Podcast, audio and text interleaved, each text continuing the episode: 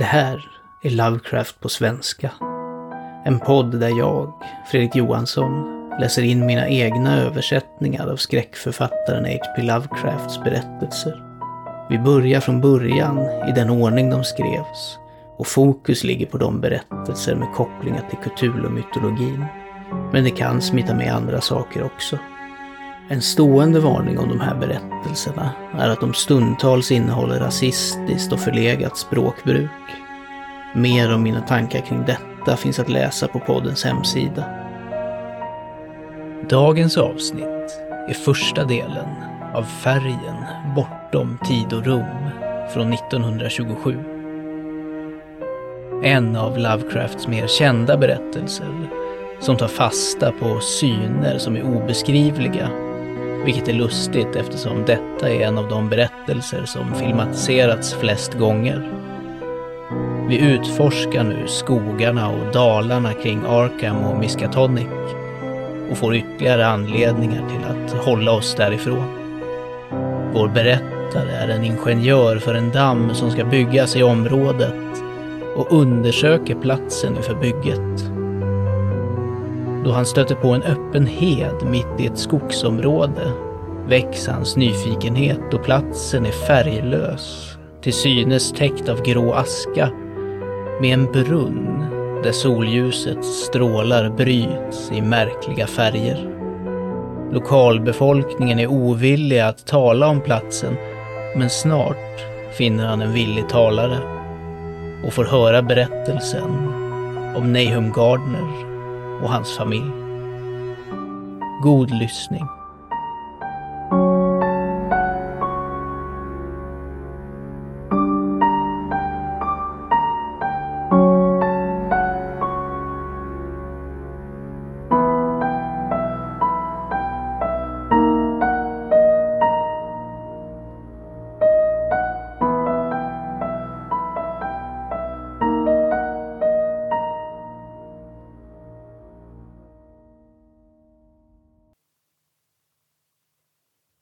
Färgen bortom tid och rum.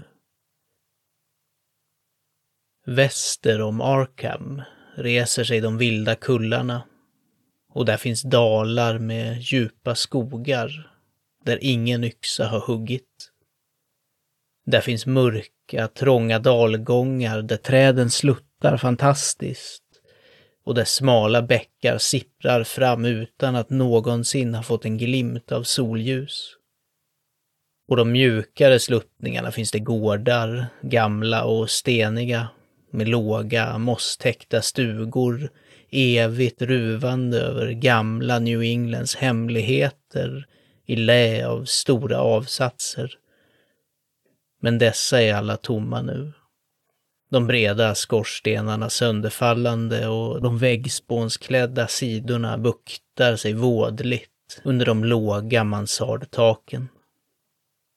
Det gamla folket har gått bort och utlänningar tycker inte om att bo där. Fransk-kanadensare har försökt, italienare har försökt och polackerna har kommit och gått. Det är inte på grund av något som kan ses eller höras eller vidröras utan på grund av något som anas. Platsen är inte bra för fantasin och skänker inte vilsamma drömmar på natten. Det måste vara detta som håller utlänningar borta. För gamle Amy Pierce har aldrig berättat för dem om någonting som han minns från de märkliga dagarna. Amy, vars huvud har varit lite udda i åratal, är den enda som fortfarande finns kvar, eller som någonsin talar om de märkliga dagarna. Och han vågar göra det eftersom hans hus ligger så nära de öppna fälten och de färdade vägarna runt Arkham. Det fanns en gång en väg över kullarna och genom dalarna som gick rakt igenom där den förbannade heden nu ligger men folk upphörde att använda den och en ny väg anlades som krökte långt mot söder. Spår av den gamla kan fortfarande hittas mitt bland ogräset från den återvändande vildmarken och vissa av dem kommer tveklöst dröja kvar även när hälften av dalgångarna är översvämmade för den nya reservoaren. Då kommer de mörka skogarna att huggas ner och den förbannade heden kommer att slumra långt under blått vatten, vars yta kommer spegla himlen och krusa i solen. Och de märkliga dagarnas hemligheter kommer att vara ett med djupets hemligheter. Ett med gamla oceaners gömda kunskap och allt mysterium av den primala jorden. När jag vandrade in bland de kullarna och dalarna för att kartlägga den nya reservoaren sa de till mig att platsen var ond. De berättade detta för mig i Arkham och eftersom det är en mycket gammal stad full av häxlegender trodde jag att det onda måste vara någonting som farmödrar har viskat till barn under århundraden. Namnet den förbannade heden föreföll mig väldigt udda och teatraliskt och jag undrade hur det hade blivit en del av folksägnerna hos ett puritanskt folk. Sedan såg jag den där mörka västliga härvan av dalgångar och sluttningar själv och slutade att undra över något annat än dess egna äldre mysterium. Det var morgon när jag såg det, men skugga lurade alltid där. Träden växte för tätt och deras stammar för stora för någon hälsosam New England-skog. Det var för mycket tystnad i de dunkla gångarna mellan dem och marken var för mjuk med den fuktiga mossan och mattor av oändliga år av förfall. På de öppna ytorna, mestadels längs den gamla vägens linje, fanns små gårdar i sluttningarna. Ibland med alla byggnader stående, ibland med endast en eller två och ibland med endast en ensam skorsten eller en snabbt fyllande källare.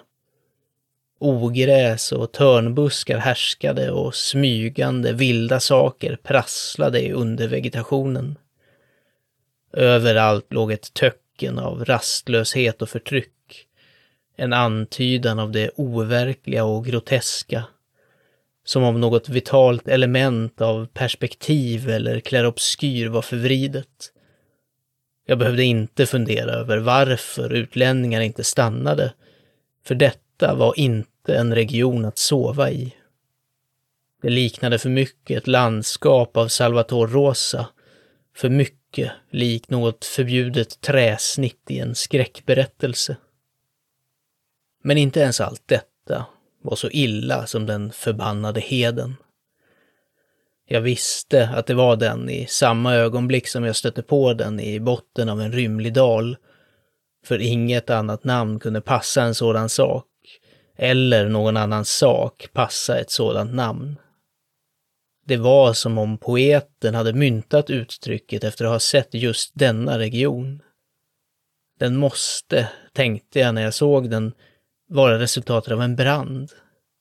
Men varför hade ingenting nytt någonsin växt fram på dessa fem tunnland av grå ödeläggelse som spred sig öppen till himlen likt en stor fläck uppäten av syra bland skogarna och fälten.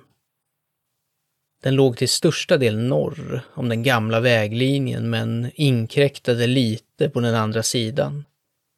Jag kände en märklig motvilja mot att närma mig och gjorde så till slut endast eftersom mitt ärende förde mig igenom och förbi det. Det fanns ingen växtlighet av något slag på den öppna vidden, utan endast ett fint grått damm eller aska vilket inte någonsin tycktes blåsa omkring. Träden nära den var sjukliga och förkrympta och många döda stammar stod eller låg och ruttnade vid kanten. När jag hastigt gick förbi såg jag det omkullkastade teglet och stenarna från en gammal skorsten och källare på min högra sida. Och den gapande svarta munnen från en övergiven brunn vars stagnerande ångor spelade märkliga spratt med nyanserna i solljuset.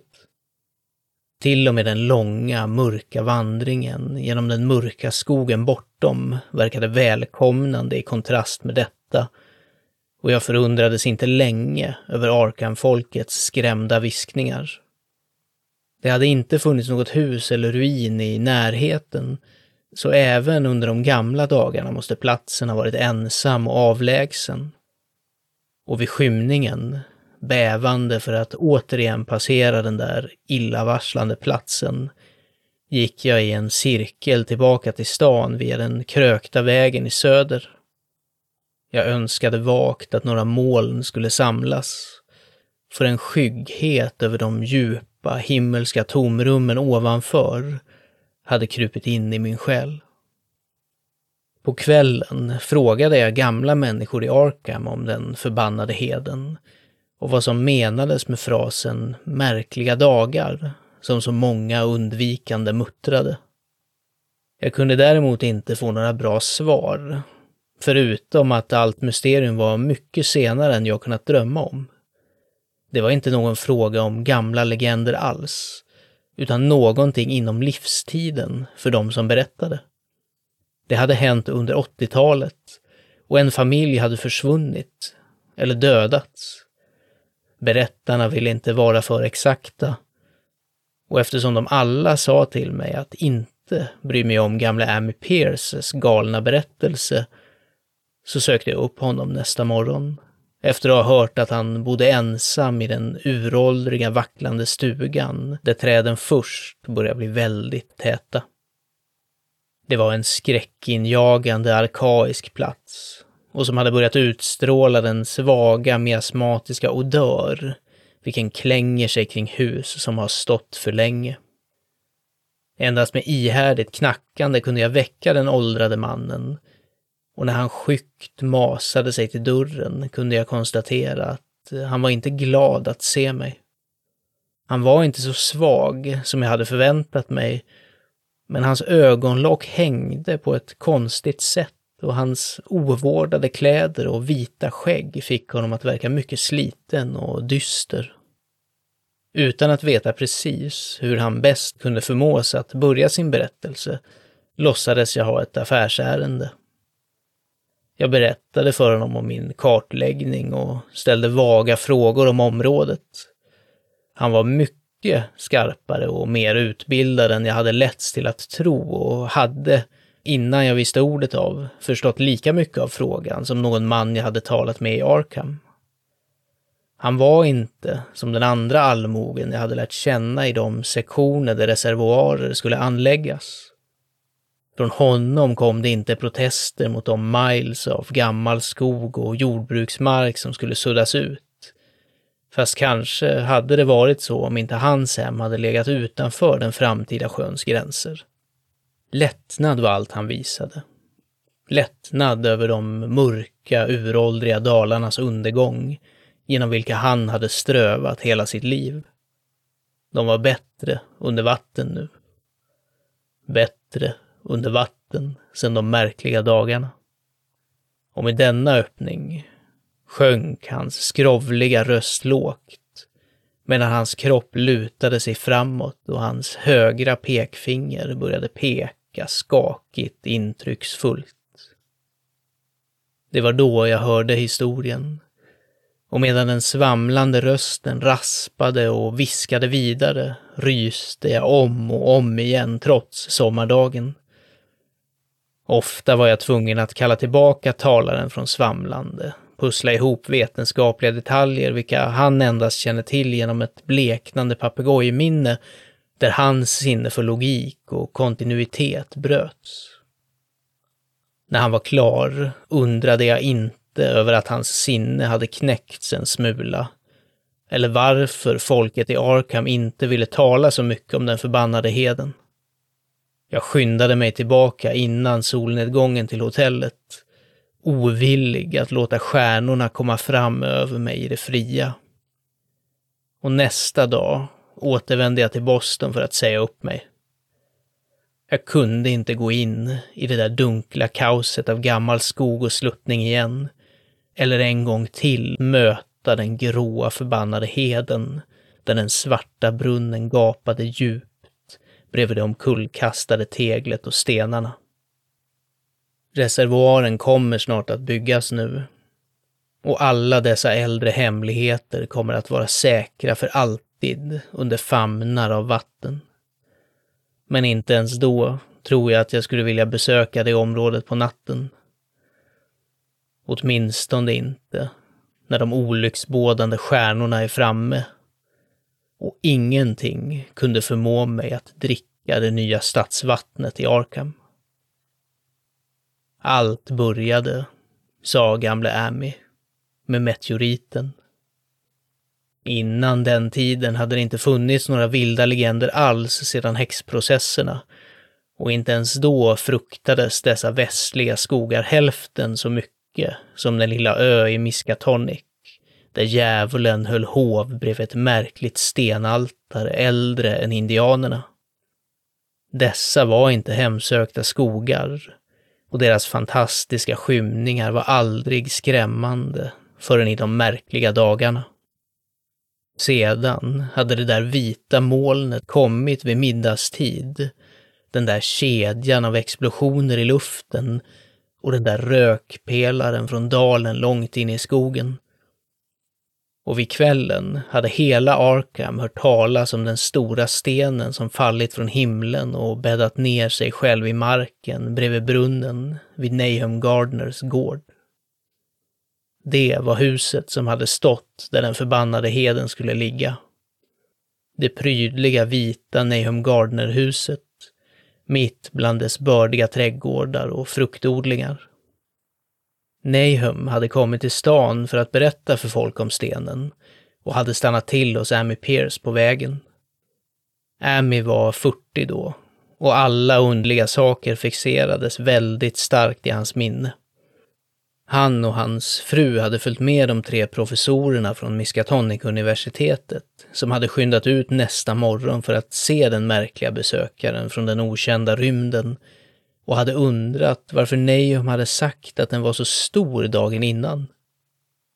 Den hade krympt, sa Nahum när han pekade ut den stora brunaktiga högen ovanför den sönderrivna jorden och det förkolnade gräset nära den ålderdomliga brunnssvängen på hans gårdsplan. Men de visa männen svarade att stenar krymper inte. Dess hetta dröjde sig ihärdigt kvar och Nahum förklarade att den hade glött svagt på natten. Professorerna testade den med en stenhammare och fann att den var märkligt mjuk. Den var i själva verket så mjuk att den nästan var plastisk och de klämde snarare än högg loss ett provexemplar att ta med tillbaka till universitetet för analys. De tog den i en gammal spann som lånats från Nahums kök. För även den lilla biten vägrade att bli kall. På tillbakavägen stannade de till hos Amy för att vila och verkade fundersamma när Mrs Pierce påpekade att fragmentet blev mindre och brände botten av spannen. Den var faktiskt inte så stor, men kanske hade de tagit mindre än de trodde. Dagen efter det, allt detta var i juni 82, hade professorerna marscherat ut igen under stor upphetsning.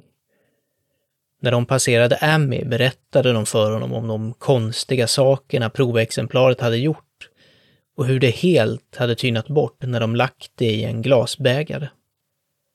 Bägaren hade också försvunnit och de vise männen talade om den märkliga stenens affinitet för kisel. Den hade agerat ganska otroligt i det där välordnade laboratoriet. Gjorde ingenting alls och visade inga okkluderade gaser när det värmdes över kol. Det var helt negativt i boraxprovet och visade snart sig vara absolut icke-flyktigt i alla framställningsbara temperaturer, inklusive den från knallgasblåsröret. På ett städ föreföll det mycket formbart och i mörkret var dess luminositet mycket markant. Det vägrade envist att svalna och försatte snart hela kollegiet i ett tillstånd av verklig spänning och när det vid uppvärmning framför spektroskopet uppvisade lysande band, olikt några kända färger i det normala spektrumet, talades det mycket mycket andlöst om nya grundämnen, bizarra optiska egenskaper och andra saker vilka förbryllade vetenskapliga män brukar säga när de ställs inför det okända. Varmt som det var testade de det i en degel med alla lämpliga reaktanter. Vatten gjorde ingenting. Med saltsyra var det detsamma. Salpetersyra och till och med kungsvatten fräste och stänkte endast mot dess brännande osårbarhet. Amy hade svårt att minnas alla dessa saker, men kände igen några av lösningsmedlen när jag nämnde dem i den ordningen de vanligtvis används. Det var ammoniak och kaustiksoda, alkohol och eter, illaluktande koldisulfid och ett dussintal andra. Men även om vikten stadigt minskade med tiden och fragmentet tycktes svalna något, fanns det ingen ändring i lösningsmedlen som visade att de överhuvudtaget hade angripit ämnet. Det var dock en metall, utan tvekan. Den var magnetisk till att börja med och efter dess nedsänkning i de sura lösningsmedlen tycktes det finnas svaga spår av Widmanstättens struktur som funnits på meteoriskt järn. När den hade svalnat mycket avsevärt fortsatte testerna i glas. Och det var i en glasbägare som de lämnade alla de flisor som gjorts av det ursprungliga fragmentet under arbetet. Nästa morgon var både flisorna och bägaren spårlöst försvunna och endast en förkolnad fläck markerade platsen på trähyllan där de hade varit. Allt detta berättade professorerna för Amy när de stannade vid hans dörr och ännu en gång följde han med dem för att se den steniga budbäraren från stjärnorna, fast denna gång följde hans hustru inte med honom. Den hade nu bestämt krympt och inte ens de nyktra professorerna kunde tvivla på sanningen i vad de såg. Överallt runt omkring den krympande bruna klumpen nära brunnen fanns ett ledigt utrymme, utom där jorden hade rasat in. Och där den tidigare hade varit drygt sju fot i diameter dagen innan var den nu knappt fem. Den var fortfarande het och de lärda studerade dess yta nyfiket medan de lossade ett till större stycke med hammare och mejsel. De tryckte djupt den här gången och när de bände bort den mindre massan såg de att sakens kärna inte var riktigt homogen. De hade blottat vad som verkade vara sidan av en stor färgad glob som var inbäddad i substansen. Färgen, som liknade några av banden i meteorens märkliga spektrum, var nästan omöjliga att beskriva och det var endast för jämförelse som de kallade för en färg alls. Texturen var glansig och när de knackade på den verkade den förebåda både bräcklighet och ihålighet. En av professorerna gav den ett skarpt slag med en hammare och den sprack med ett ängsligt litet poppande. Ingenting avsöndrades och alla spår från saken försvann efter punkteringen. Den lämnade efter sig ett ihåligt sfäriskt utrymme ungefär tre tum i diameter och alla trodde att det var sannolikt att flera skulle upptäckas när den omslutande substansen tynade bort. Antagandet visade sig vara förgäves. Så efter ett fruktlöst försök att hitta fler glober genom borrning gick sökarna igen med sitt nya provexemplar. Vilket dock visade sig bete sig lika förbryllande i laboratoriet som dess föregångare hade gjort. Förutom att den var nästan plastisk, avgav värme, magnetism och lätt luminositet, kyldes lätt i starka syror, besatte ett okänt spektrum, tynade bort i luften och angrep kiselföreningar med ömsesidig förstörelse som resultat, uppvisade det inga som helst identifierande egenskaper och vid slutet av testerna tvingades forskarna erkänna att de inte kunde placera den. Det var inte av denna jord, utan en del av den stora utsidan och som sådan begåvad med egenskaper från utsidan och lydande under utsidans lagar. Den natten var ett åskväder och när professorerna gick ut till Nahums nästa dag möttes de av bitter besvikelse. Stenen, magnetisk som den hade varit, måste ha haft någon egendomlig elektrisk egenskap, för den hade dragit ner blixten, som Nahum sa, med en enastående ihärdighet. Sex gånger inom en timme såg bonden blixten slå ner i fåran på gården. Och när stormen var över var ingenting kvar, förutom en söndertrasad grop vid den ålderdomliga brunnsvängen, till hälften tilltäppt av inrasad jord. Grävande hade inte burit någon frukt och vetenskapsmännen verifierade det totala försvinnandets faktum. Misslyckandet var totalt. Så det återstod ingenting förutom att gå tillbaka till laboratoriet och testa det försvinnande fragmentet igen, som noggrant lämnats inkapslat i bly. Det fragmentet varade i en vecka, efter vilket ingenting av värde hade lärts om det. När det hade försvunnit lämnade det inga rester efter sig, och med tiden kände sig professorerna knappt säkra på att de faktiskt med vakna ögon hade sett den där kryptiska resten från utsidans bottenlösa avgrunder. Det där ensamma, märkliga meddelandet från andra universum och andra riken av materia, kraft och entitet. Arkham-tidningarna gjorde, naturligtvis, mycket av händelsen med dess kollegiala sponsring och skickade reportrar för att tala med Nahum Gardner och hans familj. Åtminstone en dagstidning från Boston skickade också en skrivare och Nahum blev snabbt en slags lokal celebritet. Han var en mager, gemytlig person runt 50 som bodde med sin hustru och tre söner på den trevliga bondgården i dalen. Han och Amy utbytte ofta besök med varandra, liksom deras fruar, och Amy hade ingenting annat än gott att säga om honom efter alla dessa år.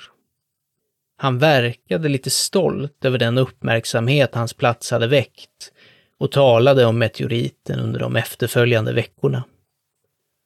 Det året var juli och augusti varma och Nahum jobbade hårt med sin höbärgning på den tio hektar stora betesmarken på andra sidan Chapmans Brook med sin skramlande vagn som lämnade djupa spår i de skuggiga vägarna emellan. Arbetet tröttade ut honom mer än det hade gjort andra år och han kände att åldern började göra sig påmind. Sedan inföll fruktens och skördens tid. Päronen och äpplena mognade långsamt och Nahum svor att hans fruktträdgårdar blomstrade som aldrig förr. Frukten växte till fenomenal storlek och oväntad glans och i sådant överflöd att extra tunnor beställdes för att hantera den framtida skörden. Men med mognaden kom en ond besvikelse. För av allt detta underbara utbud av skenfager läckerhet var inte ett enda jota ätbart. In i den fina smaken av päronen och äpplena hade det krypit in en smygande bitterhet och sjuklighet så att även de minsta tuggor framkallade en bestående vämjelse. Det var samma sak med melonerna och tomaterna och Nahum såg sorgset hur hela hans skörd gick förlorad. Snabb att koppla samman händelserna förklarade han att meteoriten hade förgiftat jorden och tackade himlen för att de flesta andra grödor fanns på höglandsområdet längs med vägen. Vintern kom tidigt och var väldigt kall. Ami träffade Nahum mindre ofta än vanligt och observerade att han hade börjat se orolig ut. Resten av hans familj tycktes också ha blivit tystlåtna och var långt från regelbundna i sina kyrkobesök eller i sitt deltagande i de olika sociala tillställningarna på landsbygden. Till denna återhållsamhet eller melankoli kunde ingen orsak hittas, fast hela hushållet bekände då och då en sämre hälsa och en känsla av vag oro. Nahum själv gav det mest tydliga yttrandet av något när han sa att han stördes över vissa fotspår i snön. Det var de vanliga vinteravtrycken från röda ekorrar, vita kaniner och rävar, men den grubblande bonden påstod sig se någonting som inte var riktigt rätt med deras beskaffenhet och ordning. Han var aldrig specifik, men verkade tycka att de inte var så karaktäristiska för ekorrars och kaniners och rävars anatomi och vanor som de borde vara. Amy lyssnade utan intresse på det här pratet. Tills en kväll, när han körde förbi Nahums hus i sin släde på väg tillbaka från Clarks Corners. Månen hade varit framme och en kanin hade sprungit över vägen och sprången på den kaninen var längre än vad varken Emmy eller hans häst gillade. Den sistnämnda hade faktiskt nästan sprungit innan den hölls tillbaka av en fast tygel. Därefter hade Amy mer respekt för Nahums berättelser och undrade varför Gardnerhundarna verkade så kuvade och darrande varje morgon. De hade, visade sig, nästan tappat viljan att skälla. I februari var McGregor-pojkarna från Meadow Hill ute för att skjuta murmeldjur och inte långt från Gardnerplatsen hade de fällt ett mycket märkligt exemplar. Kroppens proportioner verkade lätt förändrade på ett udda sätt som var omöjligt att beskriva, medan dess ansikte hade antagit ett uttryck som ingen någonsin sett hos ett murmeldjur tidigare. Pojkarna blev genuint rädda och kastade bort saken på en gång, så att endast deras groteska berättelser nådde folket på landsbygden. Men att hästar skydde närheten av Nahums hus hade nu blivit en erkänd sak och grunden för en cykel av viskande legender tog nu snabbt form. Folk svor att snön smälte snabbare runt Nahums än den gjorde någon annanstans. Och tidigt i mars hölls det en häpnadsväckande diskussion i Potters lanthandel i Clarks Corners. Steven Rice hade kört förbi Gardners på morgonen och hade lagt märke till björnkallorna som växte upp genom leran vid skogen på andra sidan vägen. Aldrig hade sådana saker av en sådan storlek setts förut och de hade konstiga färger som inte kunde uttryckas med ord. Deras former var monstruösa och hästen hade frustat åt en odör vilken slagit Steven som helt oöverträffad. Den eftermiddagen körde flera personer förbi för att se den abnormala tillväxten. Och alla var överens om att växter av det slaget aldrig borde gro i en hälsosam värld. Den dåliga frukten från hösten innan nämndes öppet och det gick från mun till mun att det fanns gift i Nahums mark. Det var såklart meteoriten.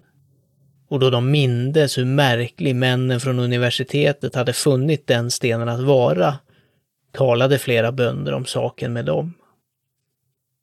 En dag besökte de Nahum, men då de inte hade någon förkärlek för vilda berättelser och folksagor var de mycket konservativa i sina slutsatser. Växterna var förvisso udda, men alla björnkallor är mer eller mindre udda i form och odör och nyans. Kanske hade något mineralämne från stenen trängt in i jorden, men det skulle snart sköljas bort. Och vad gällde fotspåren och de rädda hästarna, det var såklart endast lantligt prat, vilket ett sådant fenomen som eroliten säkerligen skulle starta. Det fanns faktiskt ingenting som allvarliga män kunde göra i fråga om vilt skvaller, för vidskeplig allmoge kommer att säga och tro vad som helst. Och därför, under alla de märkliga dagarna, höll sig professorerna borta i förakt. Endast en av dem, när han gavs två provrör med damm för analys i en polisutredning över ett och ett halvt år senare, drog sig till minnes att den där udda färgen på björnkallorna hade varit mycket likt ett av de anormala ljusbanden som visats av meteorfragmentet i universitetsspektroskopet och likt den spröda globen som hittats inbäddad i stenen från avgrunden. Proverna från denna analys avgav till en början samma udda band, fast senare förlorade de den egenskapen.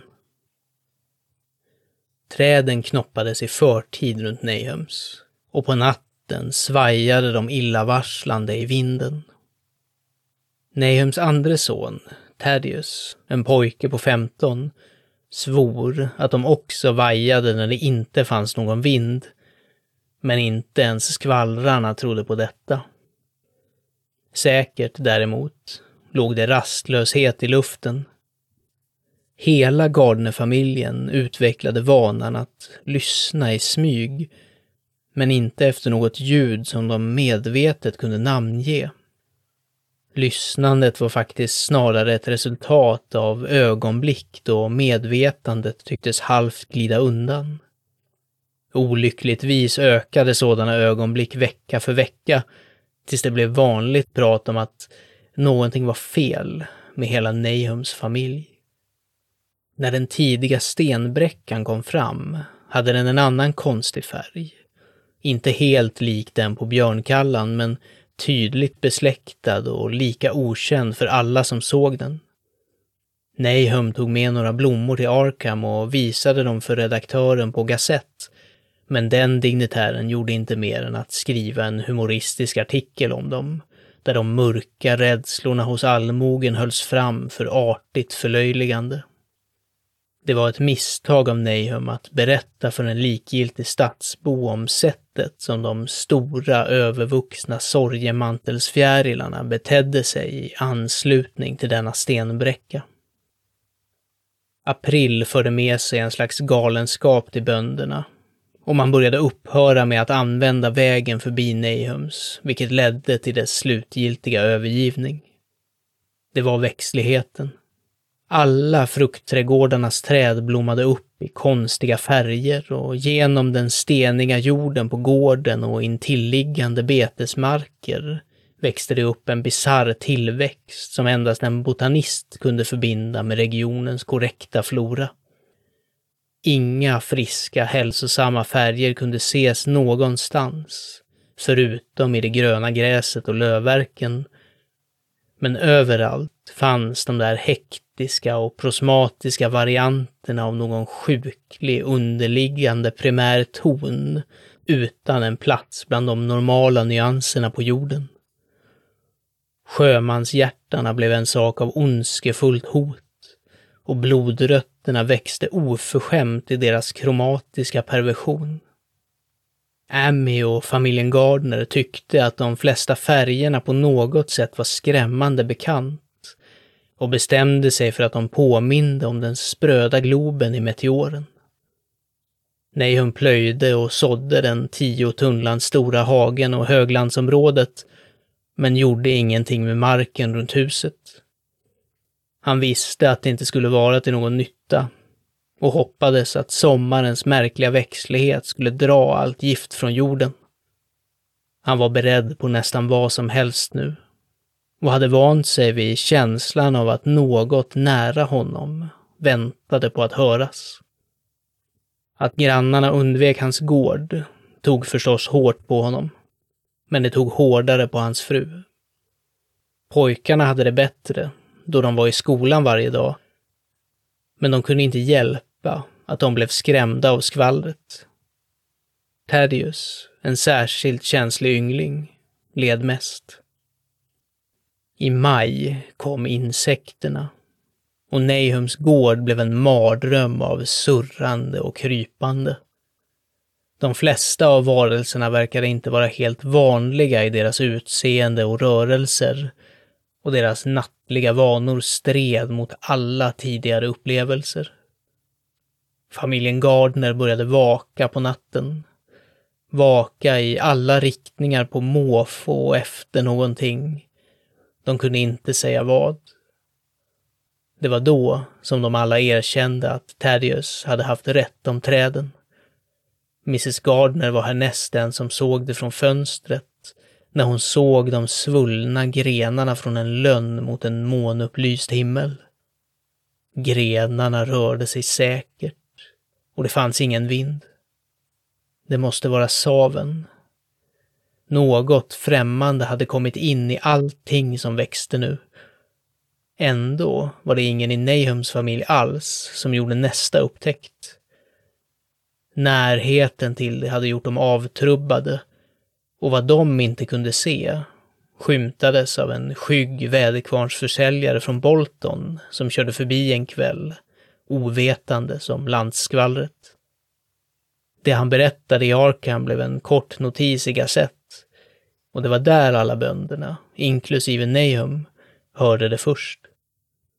Natten hade varit mörk och vagnslyktorna svaga men runt en gård i dalen, vilken alla förstod av berättelsen måste vara Nahums, hade mörkret varit mindre tätt.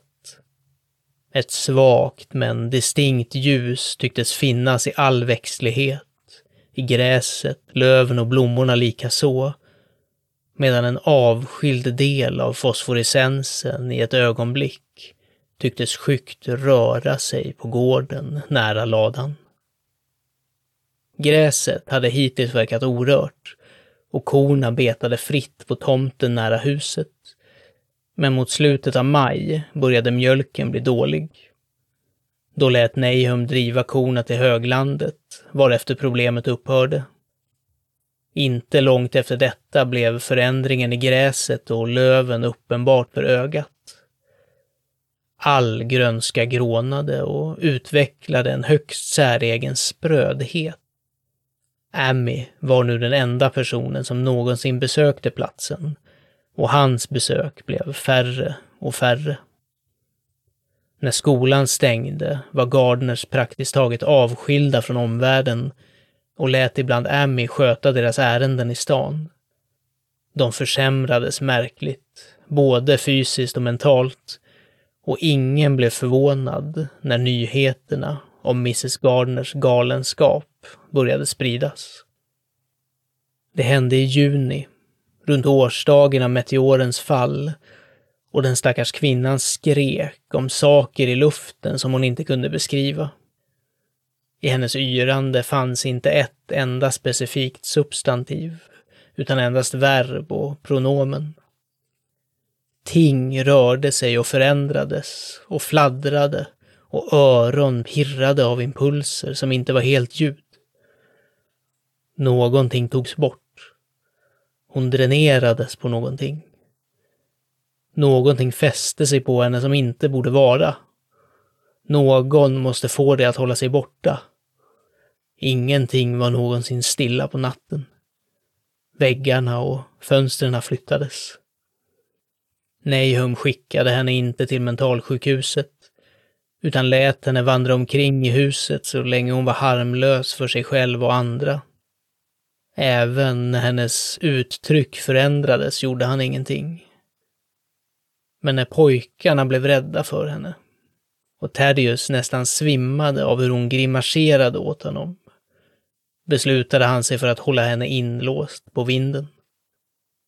I juli hade hon slutat tala och kröp på alla fyra. Och innan den månaden var över fick Nahum den galna föreställningen att hon var svagt lysande i mörkret, vilket han nu tydligt såg var fallet med den närliggande växtligheten. Det var strax innan detta som hästarna hade rusat. Någonting hade väckt dem på natten och deras gnäggande och sparkande i sina bås hade varit fruktansvärt verkade inte kunna göras någonting för att lugna ner dem och när Nahum öppnade stalldörren rusade de alla ut likt skrämda skogshjortar. Det tog en vecka att spåra alla fyra och när de hittades upptäcktes de vara fullkomligt värdelösa och ohanterliga. Någonting hade brustit i deras hjärnor och var och en måste skjutas för sitt eget bästa. Nahum lånade en häst av Amy för sin höbärgning, men fann att den inte ville närma sig ladan.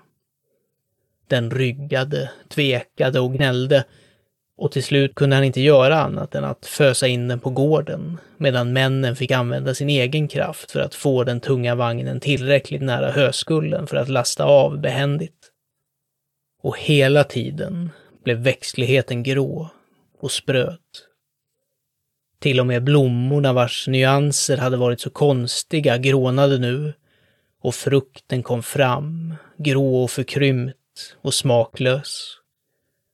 Astrarna och gullriset blommade gråa och förvridna och rosorna och sinjorna och stockrosorna på gården var till utseendet sådana blasfemiska saker att Nahums äldsta pojke Sennas klippte ner dem.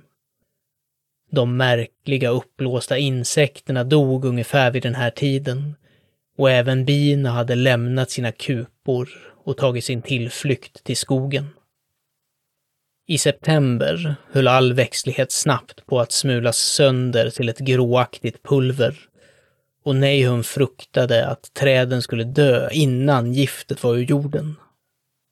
Hans fru hade nu perioder av fruktansvärt skrikande och han och pojkarna var i ett konstant tillstånd av nervös anspänning.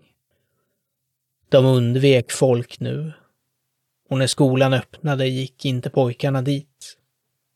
Men det var Amy, vid ett av sina sällsynta besök, som först insåg att brunnsvattnet inte längre var bra. Det hade en ond smak som inte var precis stark och inte precis salt. Och Amy rådde sin vän att gräva en annan brunn på högre mark för att använda tills jorden blev bra igen. Nahum däremot ignorerade varningen för han hade vid den tiden blivit härdad mot konstiga och obehagliga saker.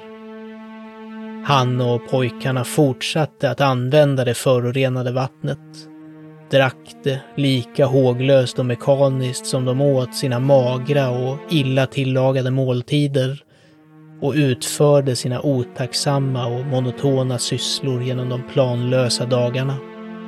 Det fanns någonting av en likgiltig uppgivenhet kring dem alla. Som om de till hälften gick i en annan värld mellan raderna av namnlösa vakter mot en säker och känd undergång.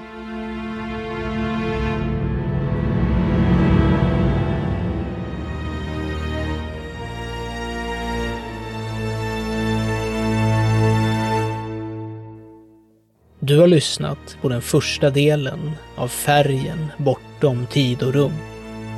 En berättelse av Howard Phillips Lovecraft som skrevs i mars 1927 och som publicerades för första gången i september 1927 i Amazing Tales i det sjätte numret av den andra utgåvan. Den svenska översättningen och inläsningen är gjord av mig, Fredrik Johansson. Tack för att du har lyssnat.